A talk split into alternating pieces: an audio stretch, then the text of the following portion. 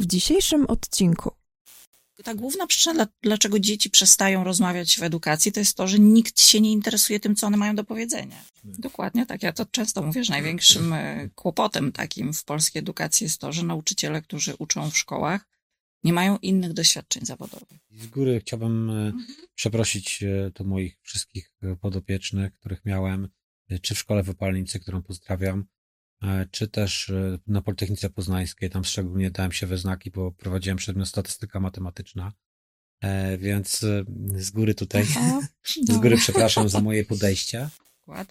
Bo e, ktoś z mównicy sejmowej mówi, bo te dzieci są zagrożeniem dla tak zwanych normalnych dzieci, tak?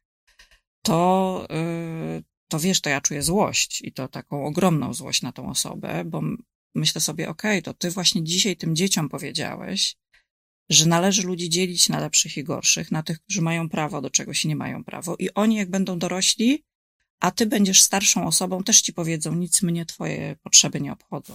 E, uprawianie dzisiaj zawodu nauczyciela w Polsce to jest uprawianie wolnego zawodu, bo przepisy są tak napisane, że nauczyciel może wszystko. Sponsorem odcinka jest Open Nexus, twórca fundacji Kreatywni dla przyszłości. Witamy serdecznie na kanale Świadomie Myśląc. Dziś e, na playliście Kreatywni dla przyszłości. E, witam Cię, Olu. Witam. E, mój gość, jakby miał tak podsumować, jest bardzo aktywny na LinkedInie. Pewnie nie tylko, tylko to jest jedyny portal społecznościowy, który posiadam, za co jakby z góry przepraszam, ale tutaj naprawdę widzę, że bardzo dużo działaś na rzecz edukacji. Bardzo mi się podoba, bo stawiasz często w tych swoich postach ucznia jako jako te, ten centrum, jako, jako, jako tego najważniejszego, jako najważniejszą personę, przynajmniej tak ja, ja z tego, e, to, to co ja wyciągam. E, ale też dowiedziałem się od ciebie, już tutaj w kuluarach, że działasz w Fundacji Hybrydowa Szkoła, jesteś w zarządzie, więc bardzo aktywnie. I poza tym już od 15 lat jesteś związana, byłeś też dyrektorką e, tutaj poradni psychologiczno-pedagogicznej, więc bardzo, bardzo aktywnie czy chciałabyś coś dodać do tego, do tego wstępu? Lista sukcesów jest długa, ale mm, ze względu na wrodzoną skromność już niczego dodawać nie będę. Myślę, że, że jak ktoś chce znaleźć Ole Rodzewicz albo facetkę z poradni, to ją po prostu znajdzie w social media. Tak, bo... hashtag facetka z poradni. Tak jest, bo, bo ja jestem we wszystkich mediach społecznościowych i e, ale te treści są zawsze takie same mhm. w każdym medium, bo to, co można o mnie powiedzieć, to, że jestem spójna. Yy, tak, bo to się w postach też yy, przejawia, jak, jak właśnie Da się wyczytać, prawda? Yy, tak, i, i, i, czułem to generalnie. Yy, taką jesteś bardzo zdeterminowaną z perspektywy mojej. Możesz mnie poprawić. Bardzo zdeterminowaną, wiesz czego chcesz i wiesz do czego, do czego zmierzasz. Tak ja, ja to odebrałem. Mhm, to ciekawe, bo ja nie czuję determinacji już żadnej. E, zdecydowana jestem w tym, co piszę, mhm. bo chyba wiem, kim jestem i wiem, czego chcę. To tak. Okay. To tak. E, bardzo Ci dziękuję za przyjęcie zaproszenia. Mm, e, jakbym miał teraz powiedzieć, bo mm, takim miękkim wstępem, to na pewno łączy nas pewne serduszko, to jest turkusowe, tak. bo, bo się dowiedziałem właśnie, że Wasza Fundacja Hybrydowa Szkoła mieni się turkusem. Powiedz coś więcej. Tak na, na Pozdrawiam wszystkich, nie wiem do której kamery. E, możesz najlepiej, tak? najlepiej. Okay. Tu, Dobra. tu najlepiej. Dobra. To pozdrawiam wszystkich członków e, Fundacji Hybrydowa Szkoła, bo zawsze się śmiejemy, że jak ja gdziekolwiek występuję i nie padnie słowo hybrydowa szkoła, to znaczy, że coś jest nie w porządku. E, I to, to bardzo padło. padło i to jest najważniejszy dzisiaj w ogóle moment. Wszyscy się cieszą w hybrydowej szkole. Tak, jesteśmy taką turkusową organizacją, bo na fali tego, co działo się w czasie pandemii, po prostu założyliśmy fundację, dlatego żeby, żeby wspierać e, edukację szeroko pojętą, bo i uczniów, i uczennice, i nauczycieli, i nauczycielki, i rodziców również w edukacji. Przygotowując się do rozmowy, było, był jeden taki temat, e, gdzie poruszyłaś, że, że bardzo poruszyło cię audycja ministra Czarnka w Radiu Maryja e, i, i jakby uważasz, że szkoła powinna być ponad podziałami. Mhm. Tak, czujesz od serducha, że tak powinno być i czy to jest realne? Tak, y, uważam, że to jest realne i że jest to wykonalne. Turkus to potwierdza, prawda, że to jest, y, że są pewne wartości, które są uniwersalne. Mhm. I też zapraszając kogoś do współpracy, możesz zawsze tą osobę zaprosić do współdzielenia pewnych wartości. Ale one się nie uwspólniają w takim sensie, że nie możemy kogoś przekonać do swoich wartości, prawda? E, tak. Tak. I, e, i to się nigdy nie stanie. I, e, I uważam, że w ogóle wszystko, co jest publiczne w Polsce, powinno się opierać na jakichś wartościach, które są uniwersalne. No, na przykład bezpieczeństwo dzieci. Uważam, że jest taką wartością, która jest wartością uniwersalną. Ktoś mhm. przychodzi do pracy, do szkoły, prawda? To wie, że. wszystkich według Tak, mnie. tak. To, to, to, to jest jasne, że musimy dbać o bezpieczeństwo dzieci. To jest jeden z priorytetów. Nie może być tak, że on ma jakieś inne podejście do tej wartości, prawda? Ale to, jakiego on jest koloru skóry, wyznania, nie wiem, orientacji seksualnej, to są rzeczy, które nie podlegają wartościowaniu i temu, czy my możemy tą osobę zatrudnić, czy nie zatrudnić. Po prostu to są rzeczy, które, które wybieramy indywidualnie i albo nas dotyczą indywidualnie i nie powinny mieć wpływu na przestrzeń publiczną. Mhm. E, I jakby z perspektywy jakby y, twojej zajmuje się na co dzień i chyba mhm. kolejny hashtag dodamy poza facetka z e, poradni, e, właśnie edukacją e, inkluzyjną. I jakby miał przybliżyć, bo dla mnie to był zupełnie obcy, obcy temat. W paru postach się to przejawiło, doczytałem, zapoznałem się, natomiast jakbym, jakbyśmy mieli wytłumaczyć komuś, kto zupełnie się tym tematem nie zajmuje, nie wie o co chodzi, to, mhm. to co to jest? Inkluzja to jest włączenie po prostu. I e, szkoda, wiesz, że jesteśmy w Polsce w takim miejscu, w którym nie rozmawiamy jeszcze, ale ja jestem naiwna bardzo i wierzę, że za te 10-15 lat będziemy już rozmawiać tylko i wyłącznie w, w, w kontekście edukacji włączającej o tym, jakie jeszcze fajniejsze narzędzia dobrać do tego, żeby każda osoba, która się uczy w Polsce, mogła się uczyć tak, jak chce i gdzie chce. A nie, że będziemy rozmawiali, bo rozmawiamy nadal niestety o tym, czy jest w Polsce jakieś dziecko, jakaś osoba, która ma prawo do edukacji takiej, jakiej chce. Bo dzisiaj e, to, z, z, czym ja się mierzę na co dzień, bo ja jestem ekspertką edukacji włączającej, zajmuję się tak naprawdę pokazywaniem, czym jest dostępność w edukacji i jak tę dostępność i wysoką jakość edukacji zapewnić dzisiaj w Polsce. I to jest fajne miejsce. Dla mnie super, bo ja to czuję, tak wiesz, na dotyk. Ale są ludzie, którzy przychodzą i mówią, ale my, my, tego nie chcemy u siebie, nie? Ale jak to nie chcecie? No są dzieci w Polsce i każde dziecko ma prawo do edukacji i chodzi o to, żeby ta edukacja była jak najbliżej tego dziecka i jak najlepszej jakości. No ale dzieci z niepełnosprawnościami to nie mogą się uczyć tutaj u nas na przykład, bo my nie jesteśmy przygotowani. No to właśnie o to chodzi, że ja wam pokażę, co zrobić, żebyście byli gotowi, tak? I państwo polskie wzięło na siebie taką odpowiedzialność, żeby zrobić tak, że, że wszyscy mamy być gotowi. Bo mamy po prostu fajny kraj y, w, w Europie, który, y, który już jest na takim etapie, że chcemy tylko coraz lepszej jakości. Już się nie zastanawiamy, czy ktoś ma do czegoś prawo, czy nie ma, tylko żeby ta jakość tej edukacji dla każdej osoby, która ma szczególne potrzeby, była jak najwyższa. I chcę zaznaczyć wyraźnie, nie chodzi wyłącznie o osoby z niepełnosprawnościami, bo, bo się poruszamy już w kontekście ustawy o zapewnieniu e, dostępności osobom ze szczególnymi potrzebami, a to jest dużo szersze pojęcie. Mhm. I ja, e, dlatego, że no, jestem sporadnie psychologiczno-pedagogiczny, że się zajmuję pomocą psychologiczno-pedagogiczną całe życie, to jest taki moment zawodowy mój, że ja to czuję jak mało co. To jest ten moment naprawdę szansy dla nas, żeby ta edukacja dla wszystkich dzieci, dla wszystkich, chcę podkreślić, dla wszystkich, była coraz lepszej jakości. Naprawdę. I są do tego instrumenty i narzędzia do wyposażenia szkół od, y, wiesz, wymiaru architektonicznego po takie miękkie rzeczy, żeby tak się po prostu działo. Edukacja w Polsce nie jest w złym miejscu, ale to, z czym myślę i wy w fundacji się zderzacie, i my również, to są postawy ludzkie, nie? Najtrudniej zmienialne.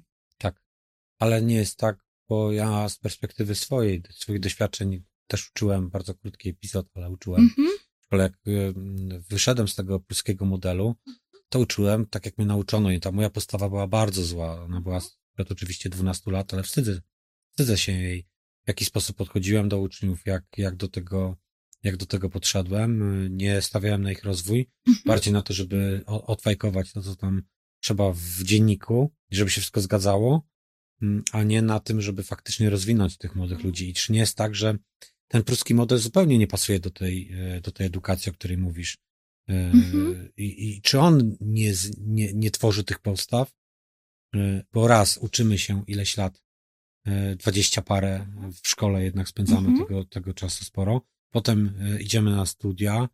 Mm, Po studiach na przykład zostajemy nauczycielem i my niczego innego nie widzieliśmy. Dokładnie tak. Ja to często mówię, że największym e, kłopotem takim w polskiej edukacji jest to, że nauczyciele, którzy uczą w szkołach, nie mają innych doświadczeń zawodowych. Mhm. I to jest wielka szkoda, nie? Tak. Bo gdyby też to zrobić trochę inaczej, to, e, to, to, to byłoby dużo fajniej. I ta perspektywa jest taka cały czas e, książkowa. Bo nie mam innych doświadczeń. Ja wiem wszystko, co się nauczyłem w książce, po prostu nie doświadczałem. Jeśli nauczyciele i nauczycielki też mają takich liderów, którzy, którzy nie mają takiej szerszej perspektywy. Wiesz, ja jak e, miałam okazję zarządzać poradnią psychologiczno-pedagogiczną, to dla mnie było wielką wartością, że moje współpracowniczki miały swoje biznesy i pracowały też w bardzo wielu miejscach. Ja też całe życie pracowałam w, w różnych miejscach, e, e, bo jak sam zauważyłeś, jestem nadaktywną osobą zawodowo.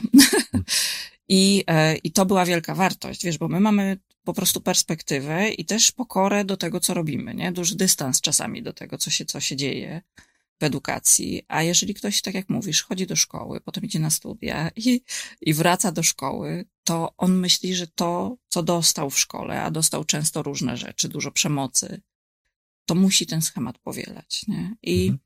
no i to takie, takie błędne koło, nie? Tańczymy sobie tak w tym, w tym kole. Fajnie jest, kiedy do szkoły, i coraz częściej tak się dzieje, przychodzą ludzie, którzy robili inne rzeczy w życiu, a potem trafiają z jakiegoś powodu do edukacji, na przykład z powodu braków kadrowych obecnie.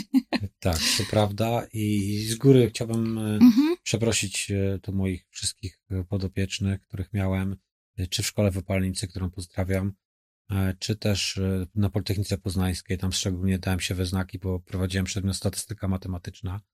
E, Więc e, z góry tutaj, Aha, z góry przepraszam za moje podejście. Było po prostu niedojrzałe ze względu na mój poziom, poziom świadomości tego, jak, jak się powinno podchodzić do ucznia, w jaki sposób powinniśmy rozwijać. Ale też nie dostałeś, prawda, nauki takiej, jak pracować inaczej, po Tak. prostu. I byłem mało rozwinięty jeszcze w tej, Aha, tej kwestii, nie? Aha. E, Za, za, za mało czytałem, za mało się tym interesowałem tematem. Dopiero jak mi dziecko przyszło na świat, to wtedy zacząłem się ży- żywo interesować tym. E, I, i nie chciałem. Ja, ja z kolei mm, dobrze przeżyłem pruski model, bo praktycznie się nie uczyłem w podstawówce, w szkole średniej do połowy. Nauczyciel mnie wyciągnął od połowy i to znowu nauczyciel, czyli jest to, to osoba na, Mhm. na drodze i na studiach ja się bawiłem. To jakby ja odkrywałem, ja, y, inni byli zmęczeni, już widziałem życiem, a ja dopiero je odkrywałem, więc nie zdążyłem się zmęczyć tym pruskim, a mimo to e, jednak Ale widzisz w nim zagrożenie. tak, e, bardzo, bardzo duże.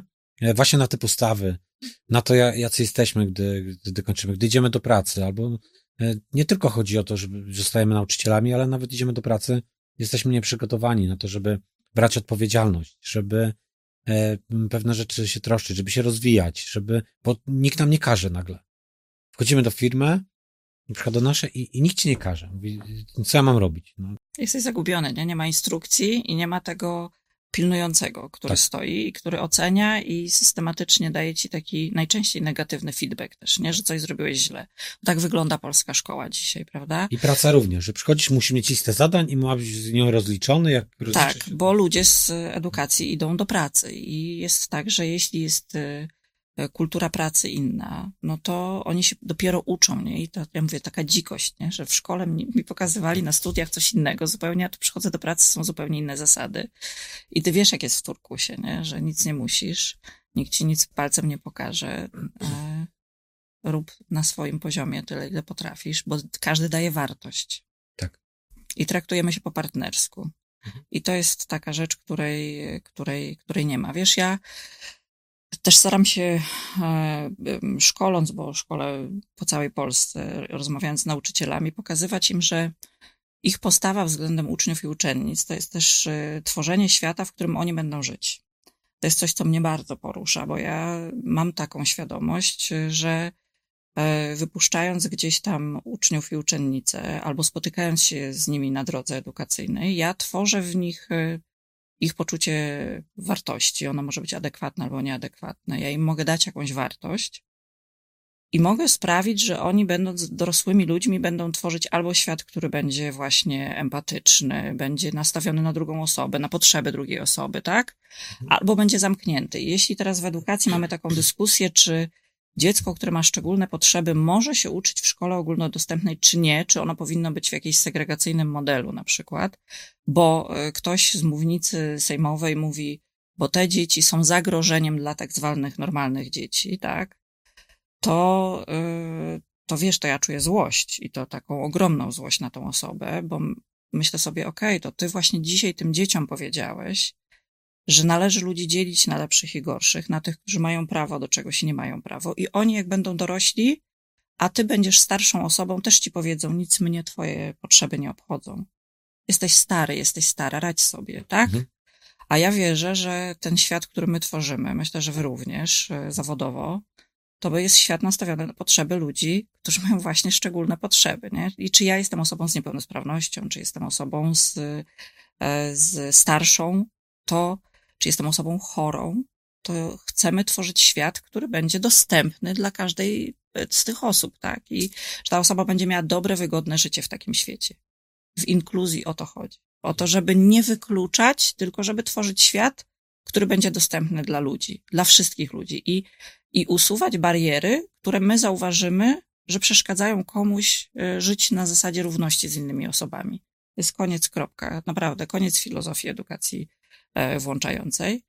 A to, że się, że narosło wokół tego wiele mitów i takich bardzo złych postaw, tylko pokazuje, że no jest dużo e, lęku w Polakach, nie? Że gdzieś tam przyjdzie jakieś zło zewnętrzne i za, za, zawładnie nami, nie wiem, tam jakaś filozofia, e, że ja zawsze mówię, że dzieci z niepełnosprawnościami teraz spadną nagle z nieba, wiesz, i zaatakują polskie szkoły, nie? One są w tej przestrzeni. Ja się uczyłam w niezwykle włączającym środowisku na e, kujawsko-pomorskiej wsi 100 lat temu w starożytności. Chodziłam do szkoły, która była niezwykłą szkołą włączającą, bo była szkołą, w której dzieci ze szczególnymi potrzebami uczyły się po prostu, wiesz, w szkole ogólnodostępnej. Może stąd też moja postawa, wiesz, jest taka, jaka jest. Właśnie tak. Że ja mam taką totalnie miękką postawę na to, nie? A nie jest tak, że jeżeli mamy te łączone właśnie środowiska, to mhm. uczymy się też empatii, uczymy się wrażliwości. Ładnie tak. I wiesz, te dzieci w tej przestrzeni były zawsze i dziwi mnie, że my jeszcze o tym dyskutujemy, czy ktoś ma prawo do edukacji, czy nie. Szkoła w Polsce jest szkołą ogólnodostępną, po pierwsze, a po drugie jest obowiązek szkolny, więc to nie po stronie dziecka i jego rodzica ma być y, obowiązek zapewnienia jakiejś jakości, usuwania barier, tylko po stronie państwa polskiego. I, i chcę powiedzieć, że jeśli dobrze się orientuje co do prawa, dobrze się orientuje, bo bardzo dobrze się orientuje, to ono jest świetnie napisane, będzie napisane coraz lepiej.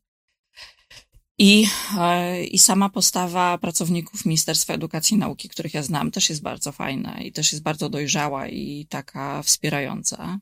Ale jak to zawsze, każda zmiana budzi opór i zawsze jest jakaś tam grupa osób, które wierzą w teorie spiskowe i, i spodziewają się, że niesie to jakieś zagrożenie. Nie ma w tym żadnego zagrożenia. To jest nowa jakość i rozumiem, że nowa jakość może budzić e, lęk i opór.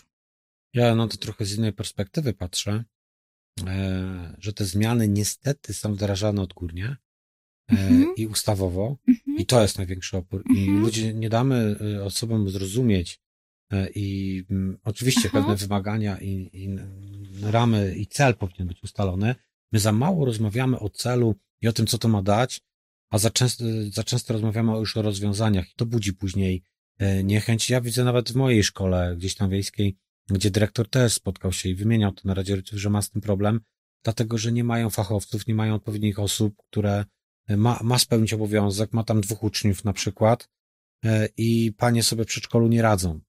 On wie, on będzie inwestował w edukację, tylko on nie, e, no, widzi jakby wielkie obciążenie. A, a... Cieszę się bardzo, że o tym mówisz, wiesz, bo to jest taka ważna rzecz i chciałabym, żeby ona wybrzmiała w naszej rozmowie.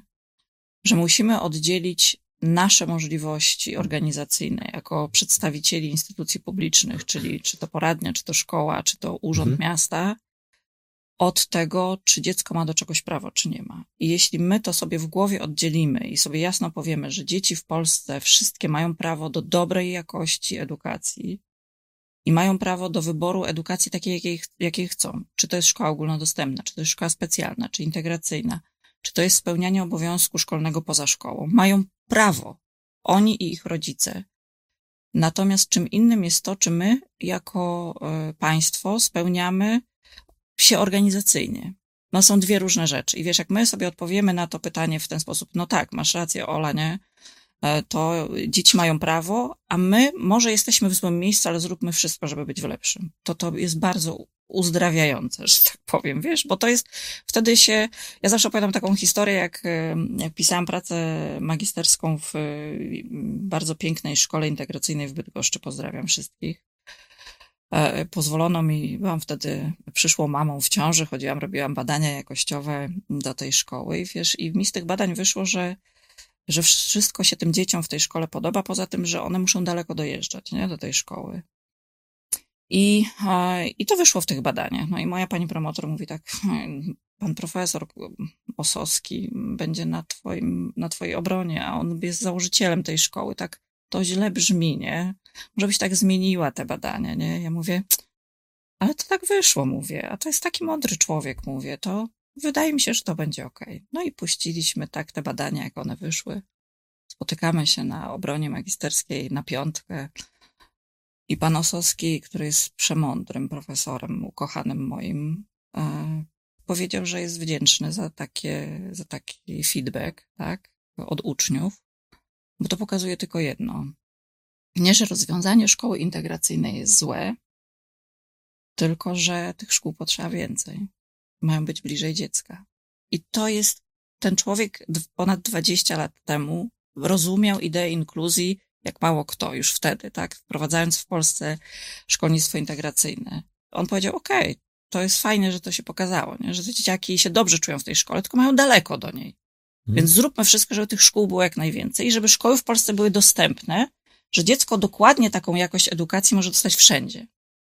I minęło 25 lat i my jesteśmy w złym miejscu, wiesz, bo jesteśmy w takim miejscu, w którym jeszcze dyskutujemy, czy dzieci mają prawo, czy nie, zamiast się zastanawiać, jak te szkoły ulepszać. Jak, tak, inaczej jest tak, postawione tak, powinno być pytanie. Tak, tak. Powinniśmy się wspólnie skoncentrować, jak. Ale właśnie nie ma tych pytań, mhm. tylko jest z góry narzucona ustawa, a nie ma tych pytań. Ja, chociażby ona wiesz, była najpiękniejsza. Ale, ale, ale przepisy nigdy nie stoją w, w, sprzeczności z działaniami, wiesz, i to y, trochę jest z, z innej strony, bo ja to widzę z poziomu już działania liderskiego, takiego na poziomie i samorządu, i szkoły, bo to jest nie tylko dyrektor szkoły, ale całe otoczenie tej szkoły zawsze, czyli ten samorząd, bo ja znam i pewnie ty też znasz wiele szkół i wiele samorządów, które patrzą na szkołę jak na inwestycje, wiesz. Oni po prostu mówią, to są nasi obywatele. Jak my im teraz damy fajną edukację, sprawimy, że oni będą się tam dobrze czuć, to oni tu zostaną, nie wiem, otworzą zakłady pracy jakieś, tak? To, nie wiem, warsztat mechaniczny. To jest to... innowacja całej gospodarki. To Dokładnie. I wiesz, to tak jak mówił Abraham Lincoln, że przypływ podnosi wszystkie łodzie, tak?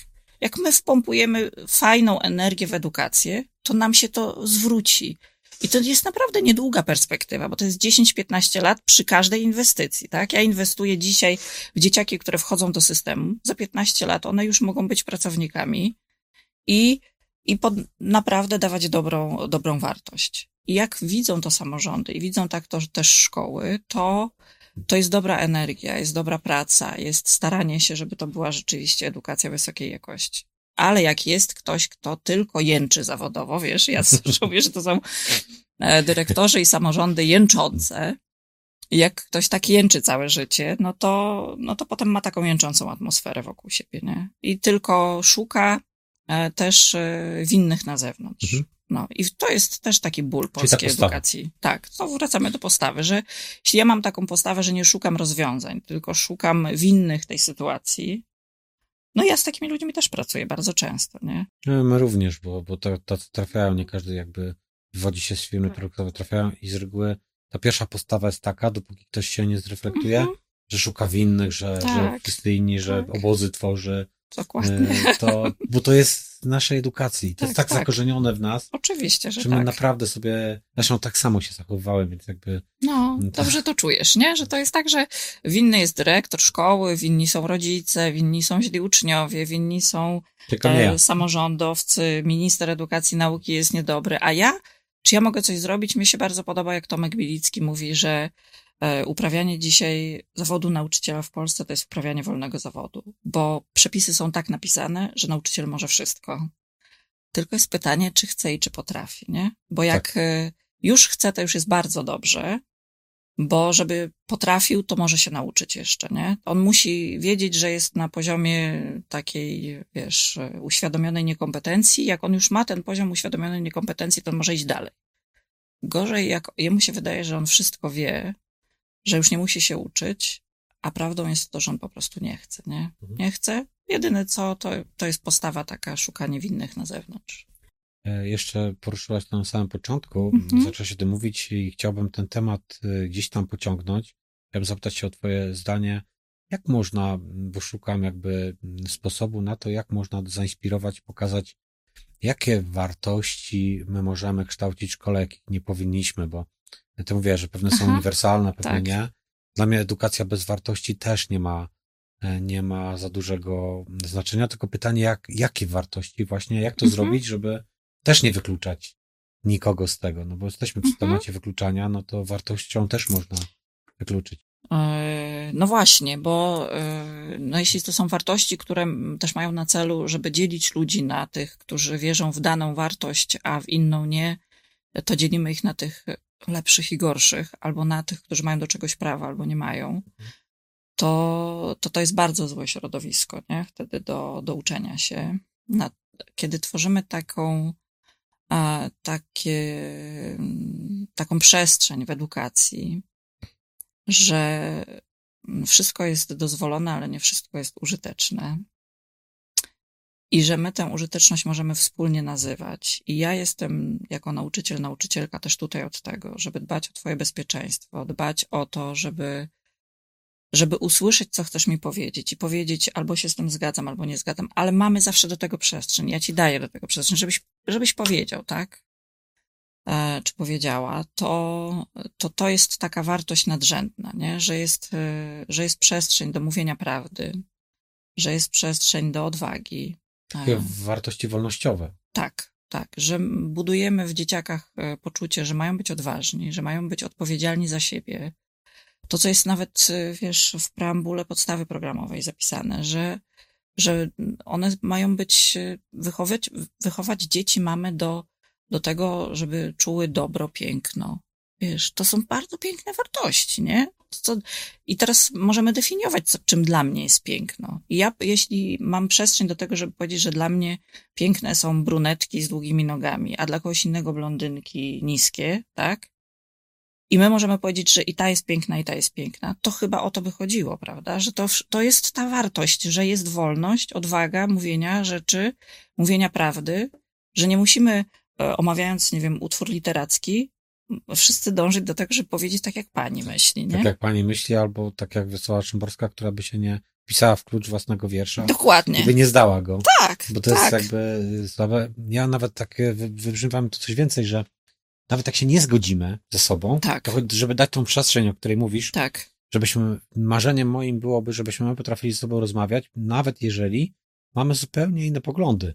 Bo to jest najpiękniejsze chyba, że nawet jak się nie przekonamy, bo to nie o to chodzi, tak. to żebyśmy, tak jak to jest najczęstszy przykład wielu rodzin, e, Mhm. że, że potrafią się pokłócić e, przy stole wigilijnym o politykę czy o coś, że my nie potrafimy ze sobą rozmawiać. Nie wiem, to jest No bo to jest, bo to jest sztuka, nie? I to jest umiejętność. Rozmowa jednak jest, y, jest wielką sztuką i, i to też fajnie, kiedy, kiedy osoby, które się kształcą dlatego, żeby zostać nauczycielami, miałyby i trening interpersonalny, bo to jest Mhm. podstawa.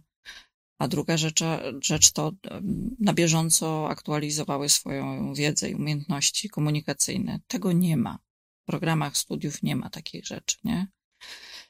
I tam też jest przekaz transmisyjny. No wiemy, jak wyglądają studia. No to, no to gdzie oni mają się, biedaki, tego uczyć, e, takich podstaw? A mm, ja też podczas swoich szkoleń często mówię o tym, że e, ludzie na studiach uczą się pracy z dziećmi. A potem muszą pracować też z dorosłymi, bo muszą pracować w zespole, muszą pracować z rodzicami, z dziadkami, z całym otoczeniem szkoły, prawda? I czują się zagubieni, niekompetentni, więc y, albo idą w taką stronę obronną, czyli reagują agresją, albo uciekają z tych relacji. Często to jest ucieczka, nie? Czyli mhm. to są te, wiesz, te wywiadówki, gdzie pani stoi za biurkiem schowana i jest, y, i rodzice siedzący w ławkach i ona tylko mówi, co dzieci zrobiły źle. I to, no to jest taki, wiesz, to, to, to jest to błędne koło po prostu, nie? No, a, a, a tymczasem trzeba się po prostu tego uczyć. No, trzeba się tego uczyć i trzeba uczyć od, y, od już od studiów. I potem ten nauczyciel powinien pracować tak z dziećmi, nie? że masz prawo powiedzieć, co myślisz. Ja mogę ci powiedzieć, że to się nie wpisuje w klucz. Ja mogę ci powiedzieć, że ja się z tym nie zgadzam, myślę inaczej, ale rozmawiajmy ze sobą, nie? To, tak, ten, to jest... Ta główna przyczyna, dlaczego dzieci przestają rozmawiać w edukacji, to jest to, że nikt się nie interesuje tym, co one mają do powiedzenia. Tak, tylko Bo... się wciska encyklopedyczną wiedzę. Tak, i przede wszystkim one mają też przyjąć jakąś dawkę wiedzy i potem ją odtworzyć, nie? E, ja walczę bardzo z, nie lubię słowa walka, ale niestety walczę e, z ocenianiem też w Polsce, bo nie uważam, że to czemukolwiek służy, czyli stawianie takie kompulsywne ocen w polskiej szkole, wiesz, jak tam e, kiedyś był ten dziennik papierowy, to przynajmniej te rubryczki były tam ograniczone, a teraz nie ma ograniczeń. W Librusie można po prostu stawiać oceny ile się chce. I są tacy nauczyciele, którzy potrafią 35 ocen w semestrze postawić. Tak, tak. Ja też mam takie przykłady. To jest pytanie, to jest pytanie, co ten nauczyciel robi? Gdzie jest proces uczenia się? Gdzie jest? Nie, tam jest tylko mówienie, zadawanie i sprawdzanie. Mówienie, zadawanie i sprawdzanie. To nie jest uczenie. To znaczy się, że osoba, która w ten sposób pracuje, nie rozumie, czym jest proces uczenia się, nie umie uczyć, a z lęku jedyne co robi, to daje wiedzę i sprawdza, bo to jej daje poczucie kontroli. To jest wystraszona osoba, niezależnie od tego, czy to jest kobieta, czy mężczyzna, która nie wie, czym jest uczenie, czym jest bycie w relacji z uczniami i prowadzenie ich w procesie. Gdzie są momenty sukcesów i gdzie są momenty porażek, z których jest ten moment, w którym ja mówię, no nawet jak sprawdzam czasem tę wiedzę i mi wychodzi, że tam połowa klasy dostała oceny niedostateczne, tak, to to jest moment, ja muszę się zatrzymać i powiedzieć, dzieci, no to czego nie zrozumieliście, tak? Co ja zrobiłam źle, to ja zrobiłem źle. Tak, albo gdzie, gdzie, gdzie się nie spotkaliśmy po prostu. I teraz odkryjmy ten moment, bo to jest moment uczenia się. I my się teraz nauczymy i wy zapamiętacie to już na przyszłość, nie? Będziecie umieli wykorzystać dalej. To się rzadko zdarza w polskiej szkole, niestety, że jest taka przestrzeń, nie? No ale jak ktoś stawia 35 ocen w semestrze, to nie ma czasu na to. On nie ma czasu na tą relację. To prawda, to prawda. Mhm. Zachęcam was do obejrzenia też odcinka ze Sławem Dzikiem. To jest licealista, który udziela mhm. się też na, na YouTubie. Licealista, który skończył już liceum i też wypowiadał się nie tylko o ocenianiu właśnie. Mówisz to jak narkotyk. Tak. Że, że, że, że ci uczniowie i to jest tak uzależnia, że nawet te piątki, wszystko oni muszą ciągle dostawać. Tak. I oni nawet nie świadamiają sobie, że one to jak roboty tak. zaprogramowane. Ale oni są uzależnieni od gratyfikacji. Wiesz, gratyfikacji, grają, tak. grają w gry, tam jest ciągle wygrana, przegrana, nagroda jest, prawda? E, a, I potem idą do szkoły, w której też są uzależnieni od tego, że ta, e, e, ta gratyfikacja, niezależnie od tego, czy ona jest na szóstkę, czy jest na jedynkę, to to jest informacja zwrotna, która redukuje napięcie, oczekiwania na tą gratyfikację. A to, co my dzisiaj powinniśmy robić, bo dzieci żyją w świecie, kompulsywności. Cały czas są w takim kompulsywnym mhm. świecie. I to, co warto dzisiaj robić, to odraczać gratyfikację. Wiesz, to tak jak my, ja jestem, wiesz, jestem starszą panią, już to umówmy się. Jest to, to nie wyglądasz. A wiem, że nie wyglądam, Naprawdę, ale jestem. Gratulacje, to też dowodzi, że lubisz to, co robisz. No oczywiście, tak, tak, bo to odmładza bardzo. Tak, mega. Ale wiesz, ale ja jestem z tych czasów, kiedy, kiedy czekając na prezent, to się czekało od urodzin, na przykład ja jestem z 17 września, to wiesz, od urodzin czekałam potem na prezent do Bożego Narodzenia, nie? Bo Myślałem, że już datek to jest... To już, by, to już było, to już było swojego urodzenia 17 września 1976. Piękny. Nie, piękny. Nie, nie dał tak. Piękny, piękny, piękny wiek i piękna data urodzenia w ogóle, no. E, I, e, i, I wiesz, ja czekałam od urodzin na przykład do tego Bożego Narodzenia na te takie większe prezenty. I to było ćwiczenie, takie odraczanie gratyfikacji, że był ten moment oczekiwania, było celebrowanie tego, nie? Mhm. Dzisiaj to wie, wiemy, że to się tak nie da, ale nie można na każdej lekcji, czy co drugą lekcję dawać komuś tego, e, tego takiego czynnika, który będzie redukował to napięcie, bo to napięcie takie, kiedy jest jeszcze pozytywne w ogóle, w oczekiwaniu na coś, jest bardzo fajną rzeczą, która też e, sprzyja uczeniu się, nie? A jakbyś miała, tak podsumowując, e, mam nadzieję, że zaadresowaliśmy ten temat, że on jakby mhm. trafi też do świadomości, do tego, żebyśmy się rozwijali, bo nasz kanał ma głównie uświadamiać. To nie jest kwestia jakby pajania komuś, tylko zainspirować go do, do działania. Mhm. Liczymy też, że wielu nauczycieli zainspirujemy, a gdybyś miała mm, takie marzenia i wyobrażałabyś sobie szkołę przyszłości, taką szkołę, mhm. którą ty sobie wyobrażasz, jaka ona by była, opisz ją, jaka powinna być taka szkoła, która, w której Ola by sobie radziła wyśmienicie, czy jako nauczyciel, czy nawet drugą stronę jako, jako uczeń. Jakiej pragniesz szkoły w Polsce? Albo za chwilę jako babcia jakimś tam dzieciom, które mhm. będą chodziły do takiej tak, szkoły, tak. nie? E, wiesz co, to do takiej szkoły trochę jak ja też chodziłam. To była taka szkoła, że ja po prostu chciałam do niej pójść. Wiesz, jak już był sierpień, to ja zawsze pamiętam, jak już tam okładałam te zeszyty i ja miałam takie to napięcie, że ja już bardzo chciałam, żeby się skończyły te wakacje, że ja mogę pójść do tej szkoły, bo to było fajne miejsce, wiesz. Tam byli koledzy, koleżanki, byli nauczyciele, którzy dawali nam fajne rzeczy, nie? Fajne, mhm. no. I, e, I to było interesujące, więc y, uważam, że pomimo tego, że dzieci dzisiaj mają dostępność do informacji bardzo szeroką, to jak my przemodulujemy tą szkołę tak, że my będziemy robić fajne projekty i fajne, ciekawe rzeczy, to to jest y, i, i będą tam pracować życzliwi ludzie, to to jest, y, to to jest klucz do sukcesu. A potem na bieżąco trzeba diagnozować sytuację, w jakiej się znajduje każda szkoła indywidualnie, bo tego się nie zrobi z ministerialnego biurka i tego się też nikomu nie nakaże. Mhm.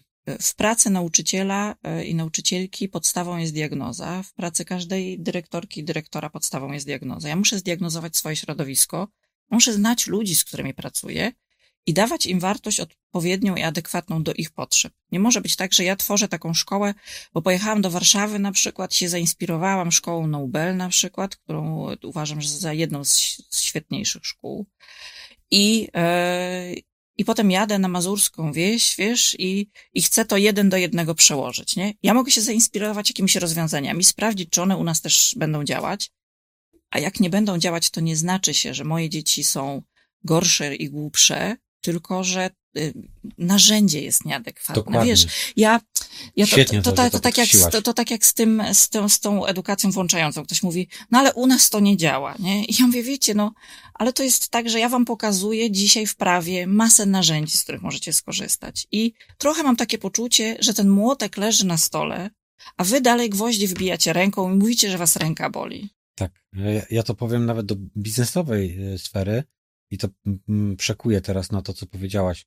E, też się zetknąłem, jak, jak pracowałem w firmie, e, że duże firmy konsultingowe przychodziły i wdrażały w, w Solarisie narzędzia, mhm. E, które były do filozofii Lina w Toyocie, gdzie tam była bardzo duża standaryzacja. Cały proces był oparty na standaryzacji.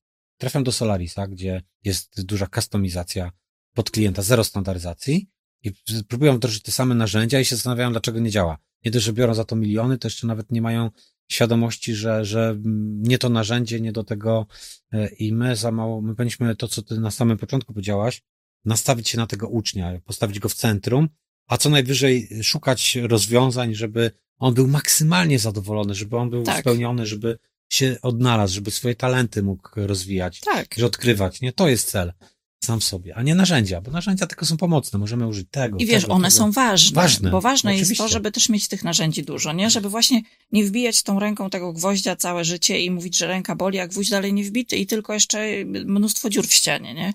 To bez sensu zupełnie, to są to są takie rzeczy i wiesz, jak rozmawiam z nauczycielami, mówię, no ale macie takie narzędzie w prawie, macie takie narzędzie, korzystajcie z tego ale to u nas nie zadziała, bo coś tam, bo coś tam. Ja mówię, dopóki nie weźmiesz tego młotka i nie spróbujesz, to nie będziesz wiedział, nie będziesz wiedziała, czy to nie zadziała. Nie możesz z góry zakładać, że coś nie zadziała u ciebie, tak? Mhm. A jak u ciebie nie zadziała, to też nie znaczy, że narzędzie jest złe, tylko że u ciebie jest nieadekwatne, po prostu. To szukaj innych narzędzi, nie? I, ale podstawą tej dobrej szkoły, przepraszam, musi być naprawdę to, że, że tam muszą nie pracować świadomi ludzie, wiesz, tam muszą pracować świadomi ludzie, którzy Mówisz nie bać się. No właśnie, no, oni musieliby być odważni, nie? Oni musieliby też, też brać odpowiedzialność za siebie i mieć takie poczucie, że celem edukacji jest y, tworzenie, tworzenie, jest, y, jest wspieranie w rozwoju ludzi, którzy będą właśnie odważni, odpowiedzialni i będą mieli dobre i szczęśliwe życie. I my nie wiemy, co to znaczy. Tak. Ja to nie oni wiem. muszą. Ja nie wiem, co to znaczy, że ktoś będzie miał dobre i szczęśliwe życie, ale jak ja będę osobą, która jest, wiesz, ja, ja jestem terapeutką, też y, lo- logopedką, tyflopedagogzką i surdopedagogzką. Do mnie przychodzą dzieci różne, od bardzo zdolnych do dzieci z y, różnymi z niepełnosprawnościami sprzężonymi. Ja traktuję każdą z tych osób jak święto. Wiesz, to jest dla mnie coś świętego, bo to przychodzi dziecko jakichś rodziców czy opiekunów, którzy oddają w moje ręce największą wartość, jaką mają, bo oni mi oddają swoje dziecko, nie? W, w proces. I ja zawsze się staram, żeby to dziecko dostało jak najwięcej fajnych rzeczy. Czy się to terapeutycznie powiedzie na 100% będzie sukces, czy nie, to, to jest różnie. Ale to, co dla mnie zawsze jest najważniejsze, to to, że ta osoba zawsze dostaje wartość i ona się świetnie czuje i ona dostaje też poczucie takiej adekwatnej e, własnej wartości, nie? Mhm. Przy mnie. I chociaż jestem panią z niskim głosem i ciemnymi włosami, to zawsze mówię, że przychodzą do mnie dzieci, nie ma takiego dzieciaka, którego bym nie kupiła po prostu, nie? I no, po prostu my się lubimy, wiesz, my się szalenie lubimy z tymi dziećmi. Ja je lubię i one to czują i one lubią mnie. Mhm. I przecież znasz nauczycieli, ja też znam takich nauczycieli i nauczycielki, którzy mają tak zwane najgorsze klasy czasami, bo nie ma takich, no po prostu nie ma takich. Mają po prostu dzieciaki z ogniem, czasami poranione, łobuzów, niechcących się uczyć. I oni tworzą świetne środowisko uczenia. Mam nawet przykład szwagierki, która takie stworzyła z nauczycielką, e, więc to, to, to są fajne rzeczy, bo, bo to Tak, też i, i ona pędza, widzę, że dokładnie ja jak tak. później tą wdzięczność widzi Tak. e, ty, ty, No, tych dzieciaków, tak, to, to, tak. to daje naprawdę dużo. E, takie małe ogłoszenie przed takim podsumowaniem, zakończeniem, bo mam jeszcze Aha. jedno pytanie dla ciebie. To ogłoszenie do, do widzów, słuchaczy, jeżeli jesteś taką osobą, która ma jakieś wartości w edukacji, chciał, chciałabyś, chciałbyś przekazać, to zachęcamy, zapraszamy do, do udziału. Tak się zastanawiam, że to więcej u, u, u mnie jest chyba jako więcej kobiet niż mężczyzn. Się zacząłem zastanawiać, z czego to wynika. Być może jesteście bardziej aktywne, Mhm. e, te kobiety po prostu, e, a szczególnie w edukacji. E, Zachęcam niezależnie od m, płci, nie ma Mhm. dla mnie tutaj specjalnego znaczenia. E, Ważna jest aktywność, ważna jest ta wartość, którą chcemy przekazać. To ostatnie pytanie takie do, dla, dla ciebie, żeby dać jakąś wartość tobie też tym nagraniem, bo sporo tutaj przekazałaś widzom. E, Jak ktoś by chciał nawiązać z tobą współpracę, czy jest tam powiedzmy dyrektorem szkoły, e, czy, czy, czy prywatnie, jak to zrobić i mm, jakie są kroki, żeby podjąć z tobą współpracę? Znaczy, ze mną najłatwiej, jak sam wiesz, kontaktować się przez wszystkie Media media, społecznościowe, prawda? I czy to jest Facebook, Instagram, LinkedIn, e, LinkedIn, LinkedIn, ja jestem dyslektyczką, wszystko przekręcam. E, I e, czy, czy nawet ostatnio TikTok, to, to można się ze mną kontaktować i to jest dla mnie najbardziej intuicyjne. No ja lubię intuicyjne rozwiązania, więc, więc, więc zapraszam zawsze do kontaktu. Wiesz- Mamy linki w opisie. Jak Dobra, to, to, okej. to umieścimy linki Mhm. w opisie. I, e, I to jest dla mnie najbardziej intuicyjne, i dlatego, że ja też jestem bardzo aktywną osobą i dużo pracuję, i dużo, e, dużo pracuję, ale dużo daję też wartości takiej od siebie, która jest e, niezwiązana z moją biznesową działalnością. To, bo to jest dla mnie ważne, nie? bo to jest w zgodzie z moimi wartościami. Ja po Mhm. prostu czuję, że jest czas, w którym, i ten czas też jest ograniczony, w którym trzeba dać jak najwięcej można, nie? I Mhm. jeśli mogę się pojawić u was, e, czy gdziekolwiek, e, e, to, to robię to, dlatego że, że chcę, żeby ludzie o tym usłyszeli. Bo ja mam jednak taką, mm, takie doświadczenia życiowe, że jak rozmawiam z ludźmi i daję im wartość, e, która jest poparta nauką, prawem, to oni mówią, wiesz, Ola, my tak na to nie patrzyliśmy. My tak, tego nigdy nie słyszeliśmy w taki sposób. My słyszymy dużo właśnie mitów, dużo przekonań takich, dużo stereotypowych podejść do edukacji. A jakbyśmy wiedzieli, że tak można, to byśmy pewnie robili to wcześniej. I oni Mhm. się szybko dają przekonać. Ja mam dobre doświadczenia i z nauczycielami, nauczycielkami, i z dyrektorami i dyrektorkami. Naprawdę dobre. I powiem ci, że to też e, napędza mnie w pracy, żeby robić tego więcej i więcej, bo ja widzę, że ludzie lubią dobrze Mhm. też pracować, nie? Że oni może nie dostali tego wcześniej, ale jak dostają teraz, to, e, to, to, to tak robią. I dlatego uważam, że warto być wszędzie, gdzie się da. Ja mówię, jak otworzysz lodówkę i wyskoczy Ola Rodzewicz, facetka z poradni, to jest bardzo dobrze. To znaczy się, że ja dobrze wykonałam swoją pracę też, nie? Super. No, Bardzo Ci dziękuję za, za, za ten odcinek. No i mam nadzieję na, na to, że niejedną duszyczkę zainspirowaliśmy e, do działania, e, do tego, żeby zmieniać swoje otoczenie, bo tak zmieniamy to, co fajnie podkreśliłaś, całą gospodarkę. Był ten cytat, y, jeżeli tak, odnośnie przypływu. tak, że przypływ podnosi wszystkie łodzie. Tak, jest świetny, muszę sobie gdzieś tam do, dopisać do, do, do topowych takich z mojej strony. Mhm. Dziękuję Ci bardzo. Ja tobie również. Cześć.